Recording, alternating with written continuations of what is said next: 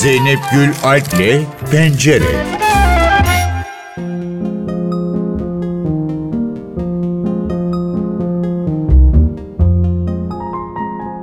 İstanbul'un trafiği malum bir yerden bir yere gitmek için uzun süre yollarda olmak gerekebiliyor. İşte o süre içinde neden olmasın dedirten bir kültür sanat olayı da yaşanıyor. Kadıköy'den bir halk otobüsü kalkıyor ve o halk otobüsü bir anda bir sahneye dönüşüyor ve içinde bir tiyatro oyunu sergileniyor. O oyunun adı çok uzak, çok yakın ve biz de bugün pencerede o oyunun hem yazarı hem de yönetmeni olan Aynı zamanda oyunda da oynayan Burcu Halaçoğlu ile konuşuyoruz. Burcu Hanım hoş geldiniz NTV Radyo'ya. Hoş bulduk, merhabalar. Türünün ilk örneği diyebilir miyiz çok uzak çok yakın için?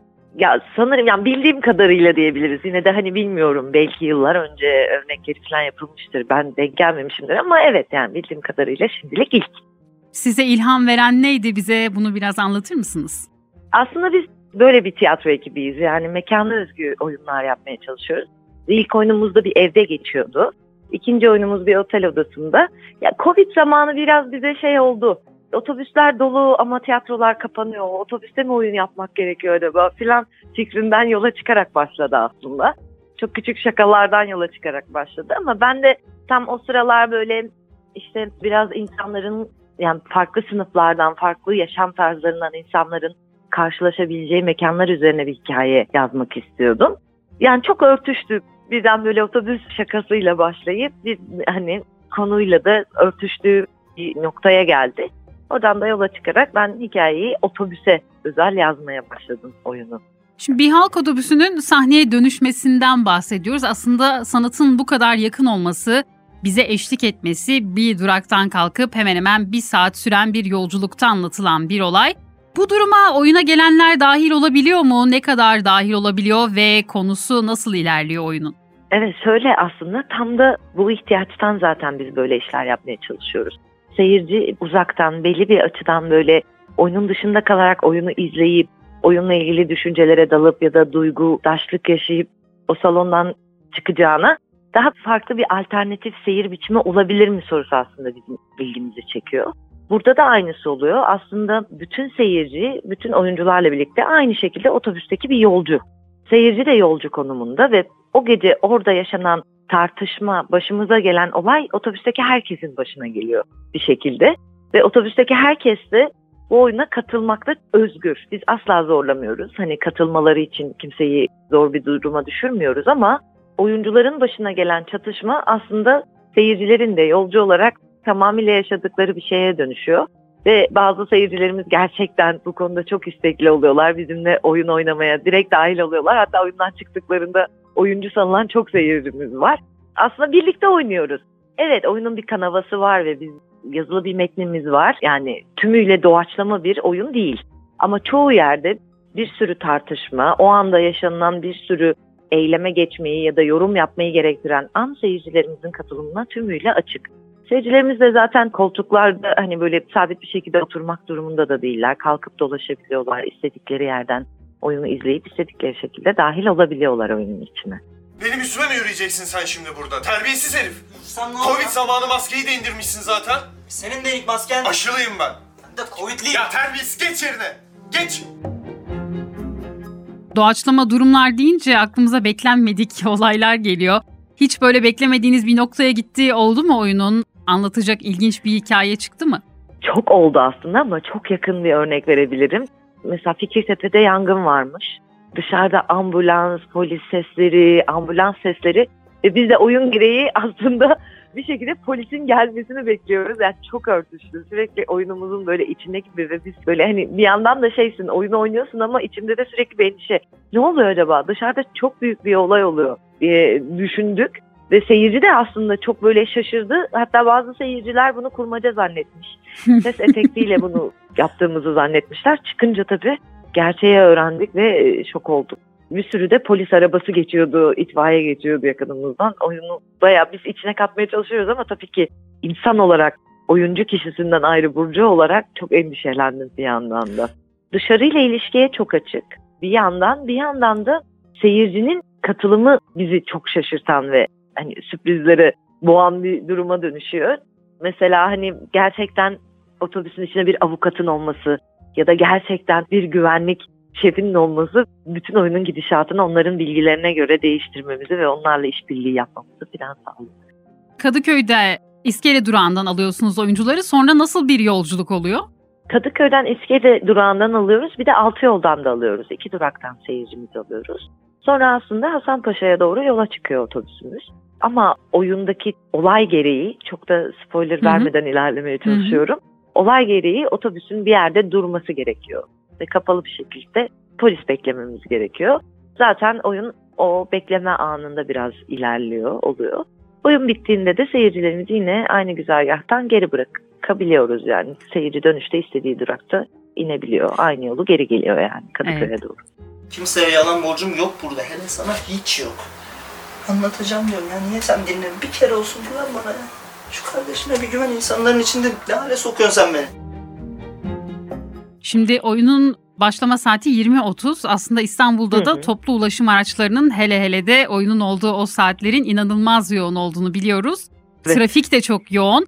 Otobüse binmek Evet. isteyen e, oluyor mu? Binmeye çalışanlar oluyor mu? Evet kaç kişi bindi bize biz böyle onları indirmeye çalıştık. Seyirci olmadığını anladık çünkü böyle hani durak isimleri falan sorduk. Şuradan geçiyorum buradan geçiyorum. Aa o buradan geçmez diye böyle sevimli bir şekilde indirmeye çalışıyoruz.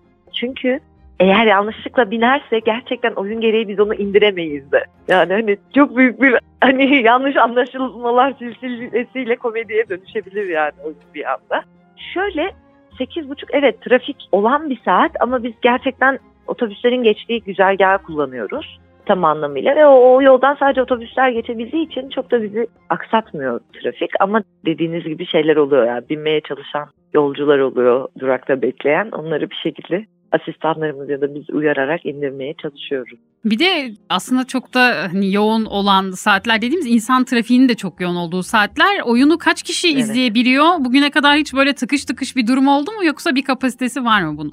bir kapasitede tutmaya çalışıyoruz. Çünkü oyunun da rahat otobüsün için hani rahat bir şekilde akması ve yani seyircinin de çok kalabalıktan rahatsız olmaması için biz 29-30 seyirci alıyoruz hemen hemen. Ama böyle genel provalarımızda 45 kişiye çıkmıştık. O çok iyi olmuştu. Bir yandan hem çok korkutucu ama tabii ki hani Covid'den sonra artık biraz daha her Hı hı. şey değişti. O kadar sıkış tepiş olmamak, o kadar kalabalık olmamak belki de daha güvenlidir diye düşünüyoruz.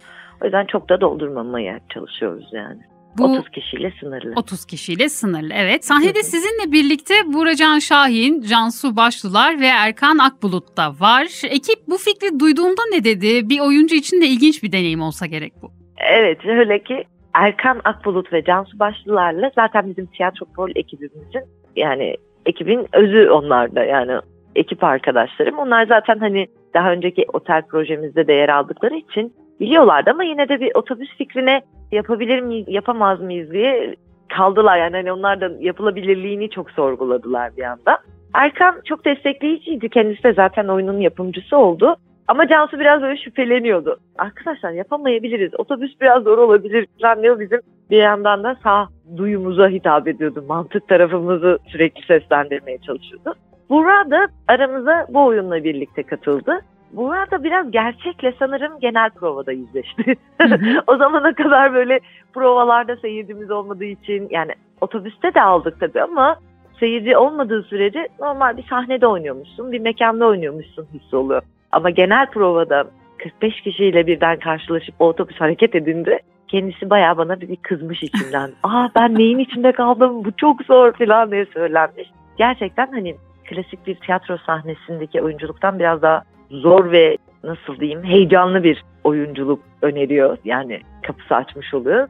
Biraz şok oldular ilk genel provadan sonra ama şu anda çok keyifli gidiyor. Yani ve şey de oluyoruz yani. Çok güzel. Klasik bir sahnede oynamaktan daha böyle heyecanlı pek çok açıdan hem seyirciyle birlikteyiz hem dipdibeyiz hem anın içindeyiz hem otobüsün içindeyiz. Çok kışkırtıcı yanları da var. Evet zorlayıcı yanları da var ama genel olarak çok keyifli. Oyuncu deneyimi olarak çok güzel bir deneyim bence. Efendim Biz paylaşmaktan vazgeçtik pahalı öğretmenisin? Anlıyorsun değil mi kardeşim beni? Şimdi bak sen telefon bende değil diyorsun ama alan kişi büyük ihtimalle bu otobüste. Ben ne yapayım? Göz göre göre telefonumu çöpe mi atayım şimdi arkadaşım? Biz arada sırada metrobüslerde ya da otobüslerde kavga haberlerini veriyoruz ya da tanık da oluyoruz zaman zaman. Böyle gerilimli dakikalarda bekliyor mu izleyenleri?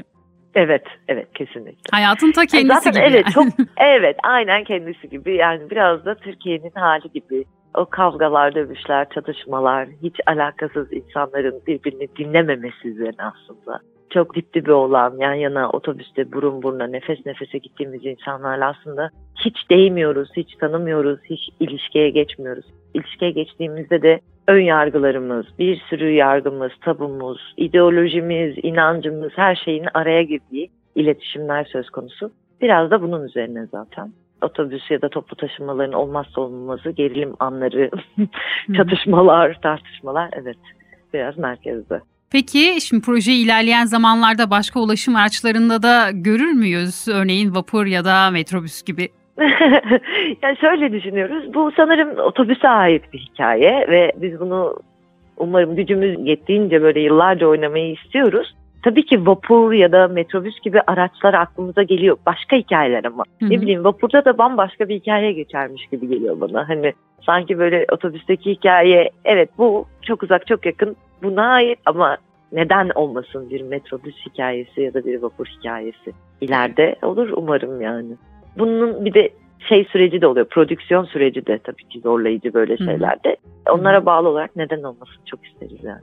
Peki turne düşünüyor musunuz ya da yaptınız mı daha önce? Henüz turne yapmadık ama birkaç tane görüşmemiz var. Eğer böyle birkaç defa yapabilirsek önünün açılacağını düşünüyorum. Çünkü dediğim gibi bürokratik ve izin süreçleri olan bir prodüksiyon. Hı hı. Ama bir yerlerle görüşüyoruz. Hem yurt içi hem de yurt dışında görüştüğümüz turnelemek için yapımcılar var. İnşallah uygulayabiliriz ve gerçekleşebilir. Ondan sonra biraz daha sanırım önümüz açılır ve başka yerlere de rahatlıkla sunabiliriz projeyi. Umarım gezeriz otobüsle birlikte. Biletlere nereden ulaşacak izlemek isteyenler bu oyun için? Biletlerimizi mobilet üzerinden satıyoruz. Saat 20.30'du oyunumuz. Ve Kadıköy iskeleden kalkıyor otobüs. Kadıköy İskele'den ve Altı Yoldan seyircimizi alabiliyoruz. Çok teşekkür ediyoruz Burcu Hanım programımıza katıldığınız için. Ben çok teşekkür ediyorum. Oyunumuza bekleriz mutlaka. Pencerede çok uzak çok yakın oyununu oyunun yazarı ve yönetmeni Burcu Halaçoğlu ile konuştuk. Bu hafta başka hangi etkinlikler var bir göz atalım. Pencere, think I'm crazy. But I feel her. Üç Oscar'lı Avatar'ın devam filmi Avatar Suyun Yolu gösterime girdi. Fenomen yapımın devam halkası James Cameron'ın yaratmış olduğu öykü evreninin hem kökenlerine iniyor hem de sınırlarını genişletmeyi hedefliyor. Avatar'da yaşanan olaylardan birkaç yıl sonra Jake ve Neytiri Pandora'da kendi ailelerini kurmuştur. Ancak onlar evlerini terk etmek zorunda kalır. Bu yüzden Jake ve Neytiri suyun yüzeyi ve altı dahil olmak üzere Pandora'nın dışındaki yerleri keşfetmeye başlar. Hikayenin kahramanları rolünde Sam Worthington, Zoe Saldana, Sigourney Weaver, Stephen Lang ve Kate Winslet yer alıyor. Ali senin içinde bir romancı bir sanatçı varmış ya. Sana söylemişim değil mi Ela? Başka sinema yılın son ayını görkemli bir şekilde kapatıyor. Ziya Demirel'in ilk uzun metraj filmi Ela ile Hilmi ve Ali 23 Aralık'ta Beyaz Perde'de olacak. Filmde Ece Yüksel, Serkan Keskin, Denizhan Akbaba ve Ozan Çelik yer alıyor. Ela ile Hilmi ve Ali İstanbul Film Festivali'nde en iyi senaryo ve en iyi kadın oyuncu ödülünün yanı sıra ulusal yarışma bölümünde Fipreski ödülü ve en iyi erkek oyuncu mansiyon ödülüne layık görülmüştü. Ayrıntılar için başkasinema.com'u ziyaret edebilirsiniz.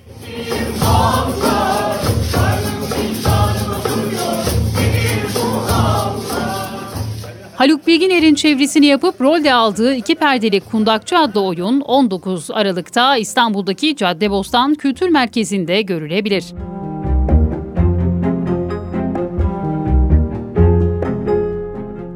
Pera Müzesi'nin yeni sergileri 22 Aralık'ta açılıyor. Portekizli ressam Paulo Rego'nun eserleri, Tate Brighton retrospektifi ve Venedik Bienali'nin hemen ardından bu kez İstanbul'a Paulo Rego Hikayelerin Hikayesi başlıklı sergiyle konuk oluyor.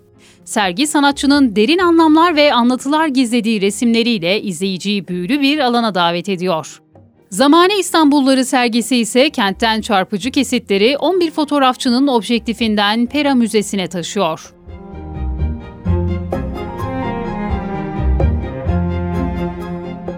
...42. İstanbul Film Festivali başvuruları başladı. 7-18 Nisan 2023 tarihlerinde yapılacak 42. İstanbul Film Festivali Türkiye Sineması bölümüne başvurular festivalin resmi internet sitesi üzerinden alınacak. Festival programında yer alacak filmler için son başvuru tarihi 20 Ocak 2023. Pencereden bu haftalık bu kadar. Ben Zeynep Gülalp, programı Safiye Kılıç ve Atilla Özal'la birlikte hazırladık. Haftaya tekrar buluşalım.